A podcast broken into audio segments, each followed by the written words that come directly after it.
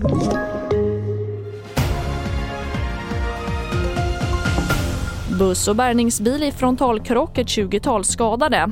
SD-politiker döms för sexuellt ofredande och fortfarande kärvt i förhandlingarna mellan S och V.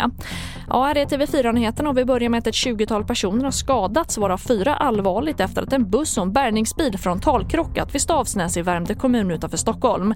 13 enheter skickades ut till olycksplatsen och busschauffören var fastklämd och har förts till sjukhus med ambulanshelikopter. Orsaken till olyckan är fortfarande oklar men det är mycket halt på vägarna i området enligt polisen. Och mer om det här kan du se på tv4.se. Och SD-politikern och Europaparlamentarikern Peter Lundgren döms till 60 dagsböter för sexuellt ofredande. Han friades i tingsrätten men dömdes i hovrätten efter att fler bevis förts fram. Händelsen ska ha inträffat på ett hotellrum 2018 i samband med SDs valkonferens. Enligt åklagaren drog Peter Lundgren ner en kvinnlig partikamrat i sitt knä, höll fast henne och förde in sina händer under hennes kläder. Lundgren döms mot sitt nekande. Och vi avslutar med att nu klockan 12 ska Magdalena Andersson slutrapportera till talmannen hur det går att bilda en ny regering. Men för ungefär en timme sen pågick fortfarande förhandlingar mellan S och V enligt källor till TV4-nyheterna. Och så här sa då vår politiska reporter Ulf Kristoffersson som är på plats i riksdagen.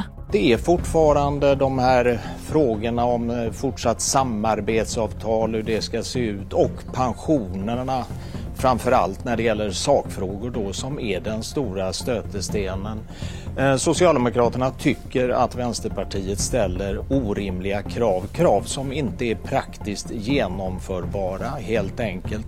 Men eh, Vänsterpartiet står på sig och eh, vill få igenom det de begär och därför är läget låst. Så vad man diskuterar nu det är om man ska begära mer tid eh, av talmannen eller inte. Och sen är då frågan om Magdalena Andersson begär mer tid, kommer talmannen att gå med på det? Och svar på det kommer vi troligen få klockan kvart över ett för då ska talmannen ha pressträff och den kan du följa på tv4.se.